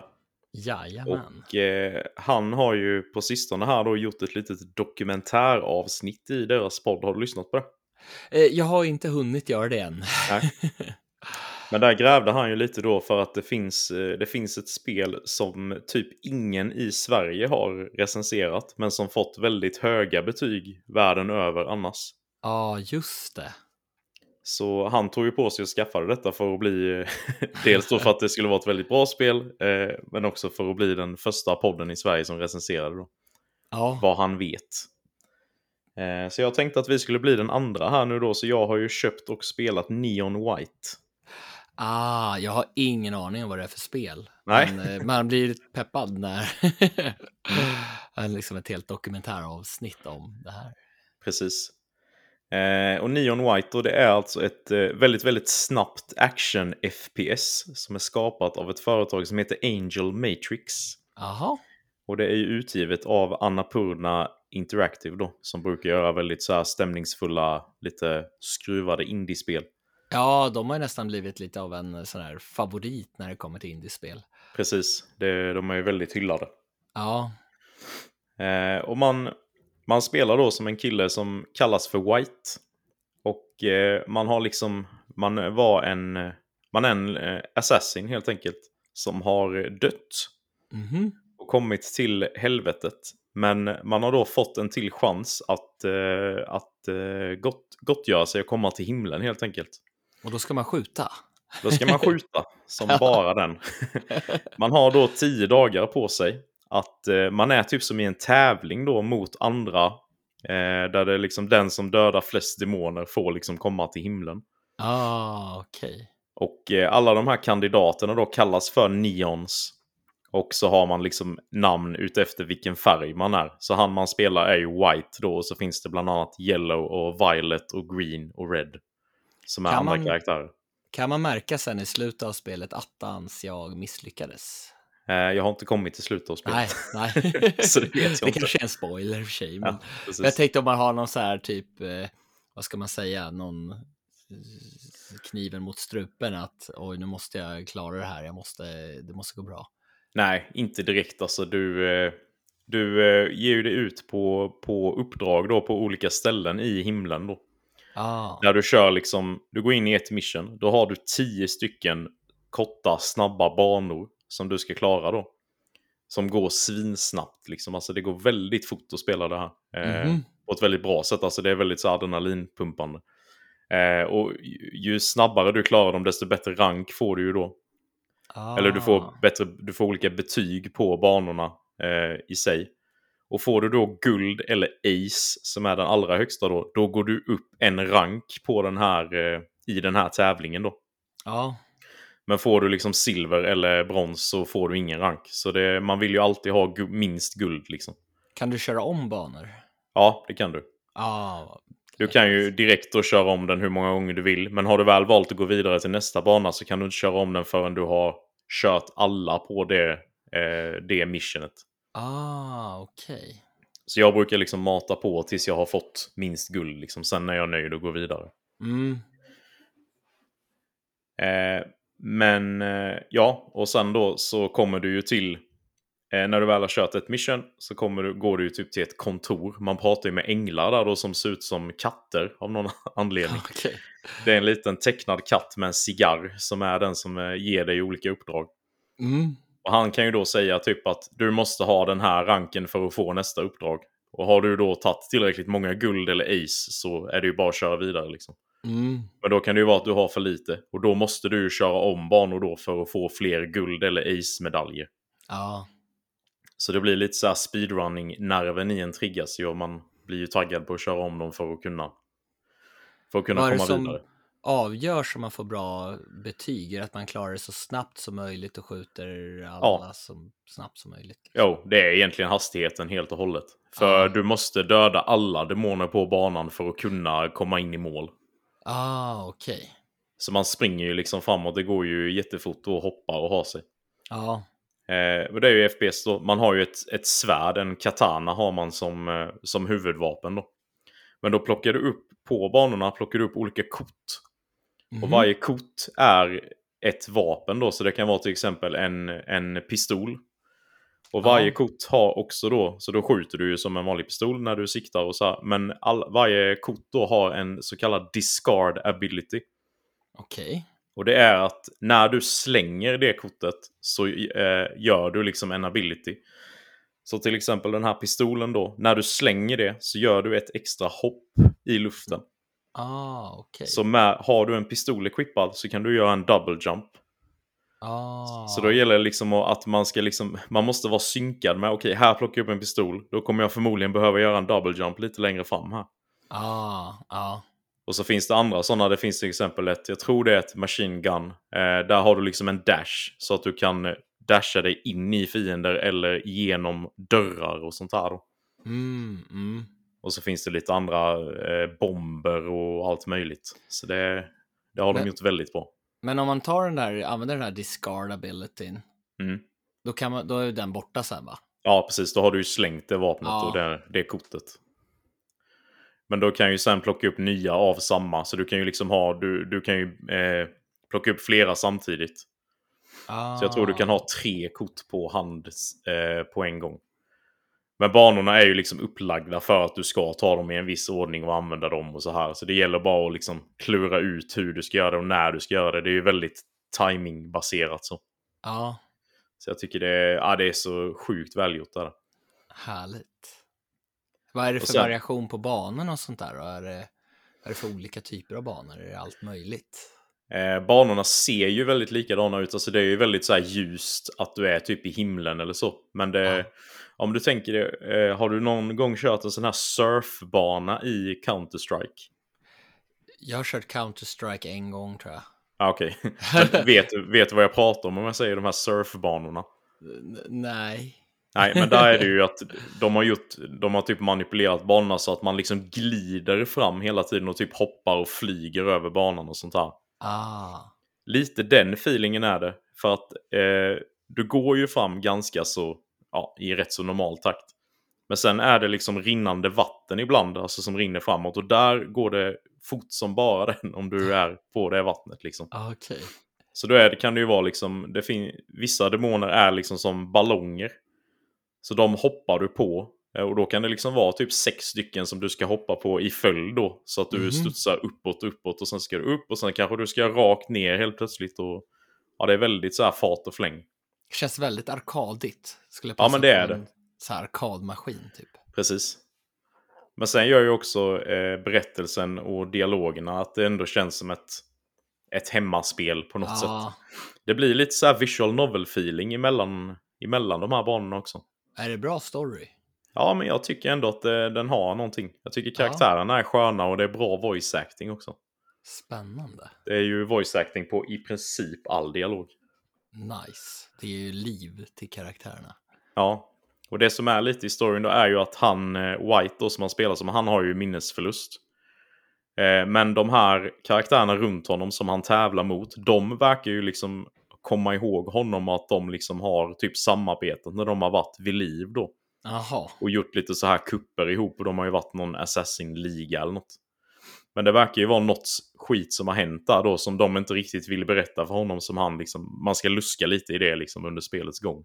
Ah, det är liksom ett mysterium som eh, nystas upp. Spännande. Ja, så det, det blir också en väldigt bra balans emellan de här snabba kickarna med, med gameplayet. Ja, Så jag, jag tycker det här spelet är hur bra som helst faktiskt. ah, okej. Jag är verkligen supersåld på det. Härligt. Nej, jag blir sugen nu. Ja, jag Jag tror att ju- det skulle kunna vara ett spel för dig alltså. Ja, ja men så här lite arkadig FPS, det tackar man inte nej till. Nej, Och lite plattformshoppning också. ja precis. Det är ju ver- verkligen så FPS och plattformande. och så vissa- stämningen är stark också antar jag. Ja, absolut. Det är ju väldigt mycket humor, eh, men också liksom allvarligt för att de måste liksom eh, klara sig från att Ja. inte hamna i helvetet eller så. Så nej, väldigt, väldigt bra. Ja, ja. Eh, och vi, på vissa banor så kan det ju också vara så att du, ibland måste du, är det ju så här mindre fiender som du liksom skjuter ihjäl i farten. Mhm, Men mm. på vissa banor är det ju bara sådana här lite större fiender där du måste använda en sån här discard ability för att annars tar det för lång tid att döda dem. ah, Så då kan det ju vara att du liksom det. springer förbi och ska slänga en bomb på han i farten och sen plocka upp ett nytt vapen och skjuta en annan åt andra hållet. Så det, ja, det går så fort. Det är så en Ja. jävla feeling. så att man måste liksom få in tajmingen liksom så här bra. Ja, precis. Man måste verkligen få in flowet för att kunna få de här guld och ace-medaljerna. Ja, Och det, ja, det, är, det är så kul. ja. Jag rekommenderar det extremt varmt. Det här... man- Ja, vad sa du? Ja, ja jag bara tänkte så här, det känns som att det är ett spel som man känner sig väldigt duktig när det flyter på, att man känner sig riktigt grym. Verkligen så. Precis så är det. Så jag tror, jag tror definitivt att detta kommer ligga på min eh, topp 10 när vi koll, blickar tillbaka på året sen. Oj, oj, oj, oj. Det är väldigt starkt. Hur långt är det ungefär? Eh, jag har faktiskt inte kollat upp det. Nej, Eh, men jag, man börjar ju då på rank 99, eller om det är 100. Ja. Eh, jag är ju nere på 70 nu. efter- okej. Ett par timmars, vad kan jag ha kört? Tre, fyra timmar kanske? Men då känns det ändå som att det kan vara rätt matigt. Ja, hyfsat i alla fall. För att vara ett indiespel, tänker jag. Ja. Nej, så jag, jag tycker absolut att det är värt. Det, det är ju inte så dyrt heller. Det kostar ju, det, det är ju då, det finns bara till PC och eh, Nintendo Switch. Aha. Eh, och det kostar då 22 euro på Steam har jag sett och eh, 230 kronor på Switch. Ja, Så det, ja, det, det var på rea nu när jag köpte det 20% av så jag passade på då eftersom jag hade lite funds på mitt eh, e-shop-konto också. mm. Så det, det passade väldigt bra. Eh, Så gå in och kolla direkt när ni hör detta. Det kan ju vara så att det fortfarande är på rea. ja, ja, det kanske är ett, mitt, ett av mina första riktiga, riktigt bra Switch-upplevelser. Då. Ja, precis. Eh, Jag såg lite bilder också på Steam-versionen. Och jag kan ju säga att det såg ju, det såg ju snyggare ut på PC-versionen. Alltså väldigt Mm. mycket krispigare och sånt där. Så det känns som att på Switch så har de liksom hållit, hållit igen lite på upplösningen. Men de har ju verk, alltså det är ju 60 FPS utan Ja. snack liksom. Och det tycker jag är helt rätt eh, kompromiss liksom. Ja, det här spelet låter ju som att det verkligen måste flyta för att det ska Ja. funka. Och det gör det också. Det flyter som en dröm verkligen. Det, Grymt. så man behöver inte vara rädd att det, att det inte funkar bra på Switch, för det gör det. Nej, Men eh, sen får man ju såklart lite bättre bild då på, på eh, ja, om det nu är en Steam Deck eller en PC eller vad man nu spelar på. ja. Men, men har du kört det bärbart? Nej, jag har bara kört det på tvn än så länge. Ah, okej. Men jag kommer nog testa lite bärbart också bara för att. Ja, Men, eh, primärt spelar jag ju på tv då. precis. Jag tänkte om det var något du hade tagit med dig på semestern där. Nej, alltså jag, jag köpte det eh, när jag var iväg, men sen hade vi så dåligt wifi på hotellet så min, eh, min switch ville inte ens koppla upp till det. Den bara, nej, nej det här går inte liksom. Jag bara total nekade. Så jag fick vänta med att ladda ner det tills jag kom hem. Ja, Så nej, det är en, eh, en väldigt stark rekommendation. gött. Alltså det här blev jag ju nästan mer sugen på än uh, Tree Hopes. Mm. Warrior. Warrior Tree Hopes. Mm. Vad heter det? ja, Fire Emblem Warriors Three Hopes. Ja, precis. Tack. Du, du var rätt ute. ja. ja, men detta skulle jag ju säga i rekommendera starkare tror jag. Ja, ja. Samtidigt så är ju du väldigt glad i de här Warriors-spelen så det... Jag är frågan. lite rädd att det ska vara lite, eh, inte lika sådär att jag vill investera lika mycket tid som vissa av de här bästa Warriors-spelen. Nej. Men eh, jag är ändå sugen. Mm. Förstår jag.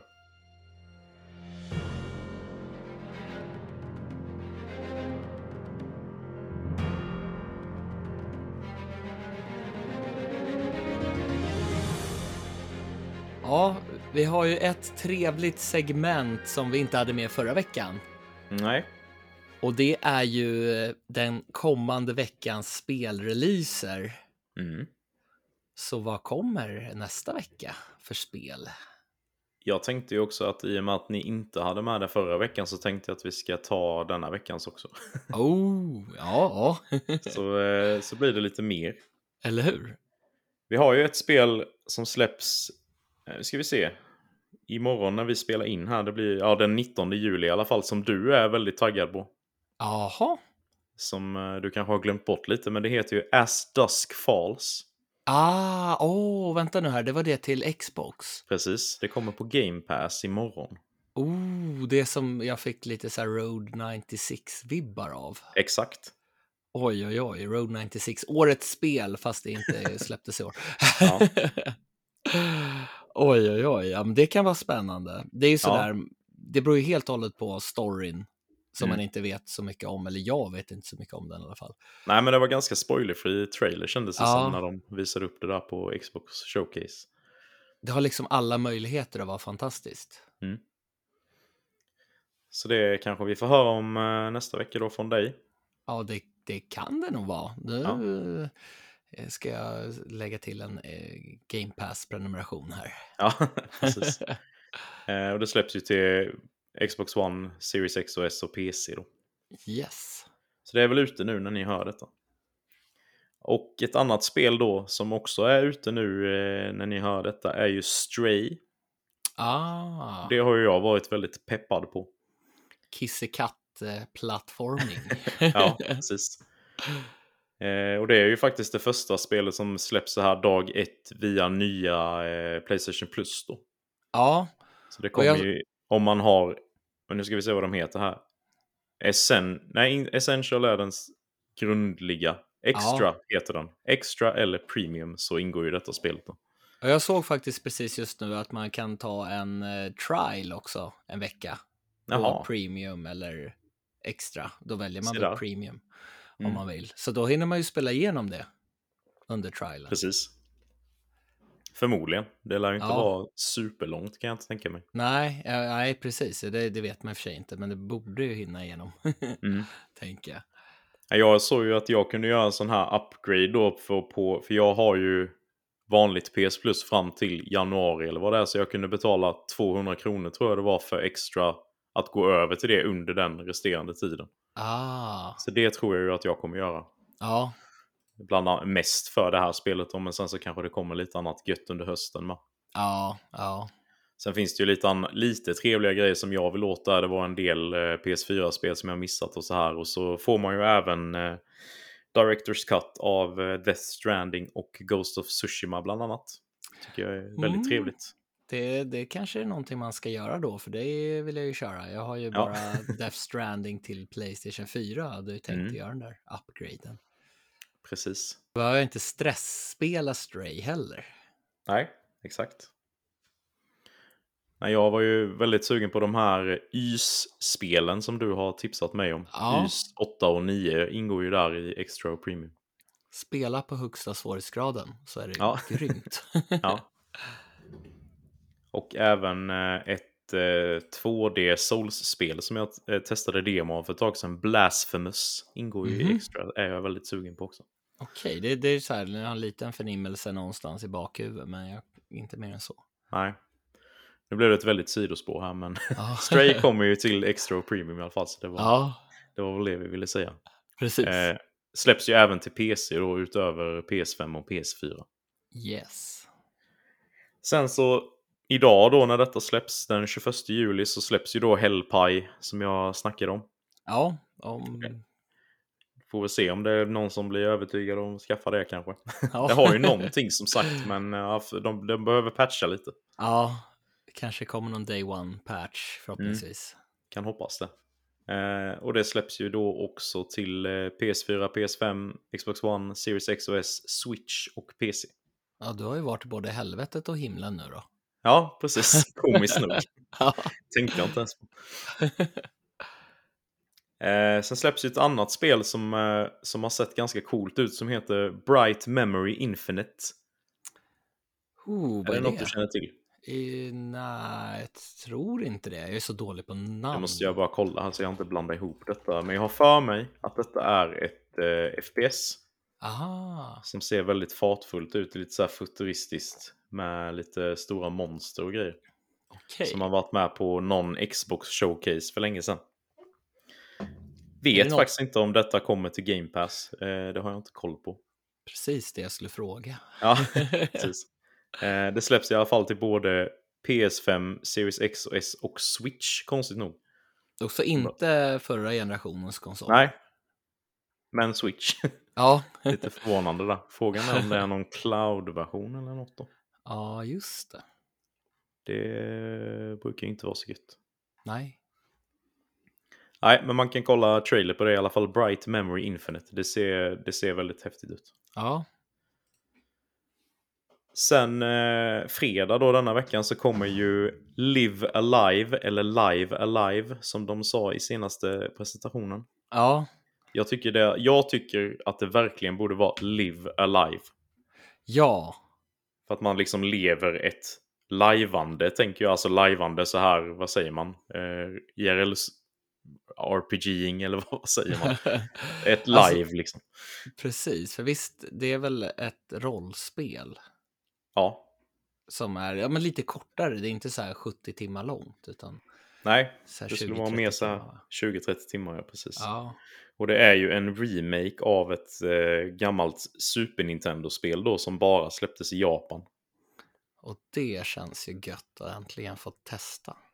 Precis, det har ju varit väldigt hyllat med den här originalversionen. Så jag, jag tror det kan bli riktigt grymt. Alltså. Ja, Och så är det ju sån här HD 2D-grafik med då lite som Octopath Traveler och Triangle Strategy. Så det ser väldigt snyggt ut. ja, jag tyckte att det såg riktigt bra ut. Sådär Mm. mys, mysbra. Så det, det ska vi nog spana in. ja, Och det släpps ju bara till Switch då. yes. Så nu går vi in på eh, den eh, veckan vi skulle täcka först och främst, och nästa vecka. Och där Ja, har jag faktiskt bara skrivit upp två spel, men det är inte så bara. För det är två tunga japanska rollspel som släpps samma dag. Oj, oj, oj, oj, oj, nu händer det grejer. Nu, nu tänder vi till här. ja, Eh, vi har ju först då Digimon Survive. ja, Som släpps till eh, PS4, Xbox One, Switch och PC. det ser bra ut. Det ser väldigt bra ut. Det ska ju vara lite så här eh, strategiskt rollspel, alltså så här med lite rutnät man flyttar runt. Så lite som Fire Emblem, Disgaea, lite den, de striderna ser det ut som. Precis. Och så ska det vara mycket så här tunga val i spelet som påverkar eh, storyn och sånt. Då. Mm. Så det känns som att det kan vara en väldigt gripande historia. Jag, Ja. är- Både du och jag är väl väldigt stora fans av Digimon sen vi var små, eller? Ja, alltså jag har ju spelat spelen, jag har ju inte tittat på någon eh, serie eller något sånt. Det var Så- nog så- Anton jag tänkte på där nu. han, han vet jag snackar om det i att han eh, tycker om Digimon jättemycket. Jag tror inte jag var så liten när det kom. Nej, jag kom på det. Jag blev påmind om att du var gubbe. Vad säger du? Nej. Nej, men jag, jag har tittat på extremt mycket den här Digimon-animen när jag var liten. Okej. Tog även ett ryck sen i gymnasiet och plöjde ett gäng säsonger. För eh, nostalgins skull. Jag Ja, jag har tycker- inte sett någon del av serien. Nej, jag har ju faktiskt tittat på mer Digimon än Pokémon kan jag ju erkänna. Och den, tycker du att den är bättre än Pokémon? Ja, på, på sätt och vis var det Ja. väl det. Men samtidigt så här om jag, om jag ska göra ett vuxet omdöme så kan jag väl tycka att Pokémon ibland har bättre story kanske i, Ja, sin, okej. i sin anime då. Men ja, detta spelet ser nice ut i alla fall. Ja, Men samma dag så släpps ju ett ännu tyngre rollspel då till enbart Switch, nämligen eh, Xenoblade Chronicles 3. Ja. Och det kommer jag att spela kan jag säga. Ja, det ska jag också. Nu har jag Ja. fortfarande kvar, eh, jag har ju eh, ettan, tvåan och den här, eh, nu ska vi se, Xenoblade X eller vad den heter? Chronicle Ja, precis. Chronicles X Ja, som precis. kom till Wii U. Jag har testat alla. Ja. Men sen har jag varit sådär att om en ettan, ja men det spelar jag lite till switchen och sen har jag spelat det lite till 3DS. Mm. Och sen började du prata om att remastern till switch är mycket bättre så då kände jag att åh, den borde Mm. jag skaffa kanske. Ja, den heter ju ändå Definitive Edition så det känns som att det är den man ska spela. ja, Jag har ju själv inte spelat den, jag har ju bara spelat det till Wii. mm. Men nej, tvåan var väldigt bra också. Det är ju väldigt Ja. invecklade combat-system i de här spelen, men eh, jag tycker storyn är bra. Tycker jag om den lökiga brittiska voice-actingen som de är nästan lite exklusiva med. ja, ja men eller hur, alltså det ger en speciell känsla. Mm. Och sen är det ju en väldigt bra... Det är ju typ sci-fi story, men samtidigt känns det ändå väldigt mycket fantasy. Ja, alltså det är ju, eh, vad ska man säga, en, eh, vad heter det? En, eh, ja, nu har jag glömt bort namnet, men inte inofficiell uppföljare, men en eh, spirituell uppföljare till eh, Xenosaga-serien som i sin tur är en spirituell uppföljare till eh, Xenogears. Just det. som jag verkligen gillade. Men eh, så här, Xenosaga det- och eh, Xenogears, det är ju väldigt mycket story och det är väl inte riktigt kanske samma. Alltså det är mycket gameplay i Xenoblade Chronicles-spelen Mm. va? Ja, men det är mycket story också. Ah, okej, nice. Så det är, ja, jag tycker det är grymt. Jag, Ja. jag har höga förhoppningar på trean. Ja, Det känns som att de, det kommer bli en blandning av ettan och tvåan, vilket jag tror kommer bli kanon. För jag tycker båda de spelen har liksom sina, sina för och nackdelar. mm, Egna liksom. Och sen ska ju det här på något sätt då eh, eh, bridgea samman ettan och tvåan, liksom världarna då. För de utspelar ju sig ändå på olika ställen. Men okej. har ändå en viss koppling då kan jag ju säga som har spelat hela båda. Då borde jag ju verkligen sätta igång då. Ja men lite så. ja. Plöjer du de två på, ja vad blir det, en vecka, då eh, blir jag imponerad. Ja, nej, det, det gör jag nog inte. Nej, inte heller. Du får väl kolla någon sån här story recap. ja, Annars. fast då förstör ju de lite också. Jag vill ju ändå köra dem med. Ja, fast fast kom, samtidigt- kommer du verkligen spela dem någon dag? Jag, jag har svårt att se det. Alltså. Om du nu ska spela trean, att du går tillbaka och kör bägge dem någonsin. Jag vill ju tro det, Ja, men det eh, vill. om man ska vara realistisk. Ja, det, ja, ja, är bra fråga faktiskt, men jag vet inte. Nja, ja, mm, nej. Nej, nej, jag vet inte heller. Det är väl... Jag hoppas också att du gör det, för det är bra, Ja. det är skit. Good shit. Men det var alla släpp.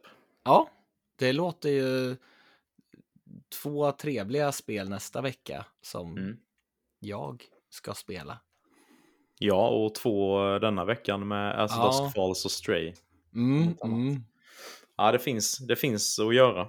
verkligen, verkligen. Och Live Alive glömde jag också, det är också denna veckan. Ja, Herregud, hur ska det gå? eller hur? Jag ska gå och spela mer Neon White här efter. Ja, du ska Det ska jag verkligen spela färdigt. Oj, oj, oj. Ja, det blev sugen. Det var allt vi hade att bjuda på idag. Och extremt stort tack för att ni har lyssnat. Och hur kommer man i kontakt med oss då? Jo, man kan mejla oss på spelatpodcast@gmail.com. Man kan eh, besöka vår Discord-kanal som vi har pratat om väldigt många gånger, men den är ju super. Alla som är med där är fantastiskt. Det blir riktigt kul. Och sen så finns ju vi, vi också på Facebook och Instagram. Och till eh, nästa gång. Spela massvis. Yes!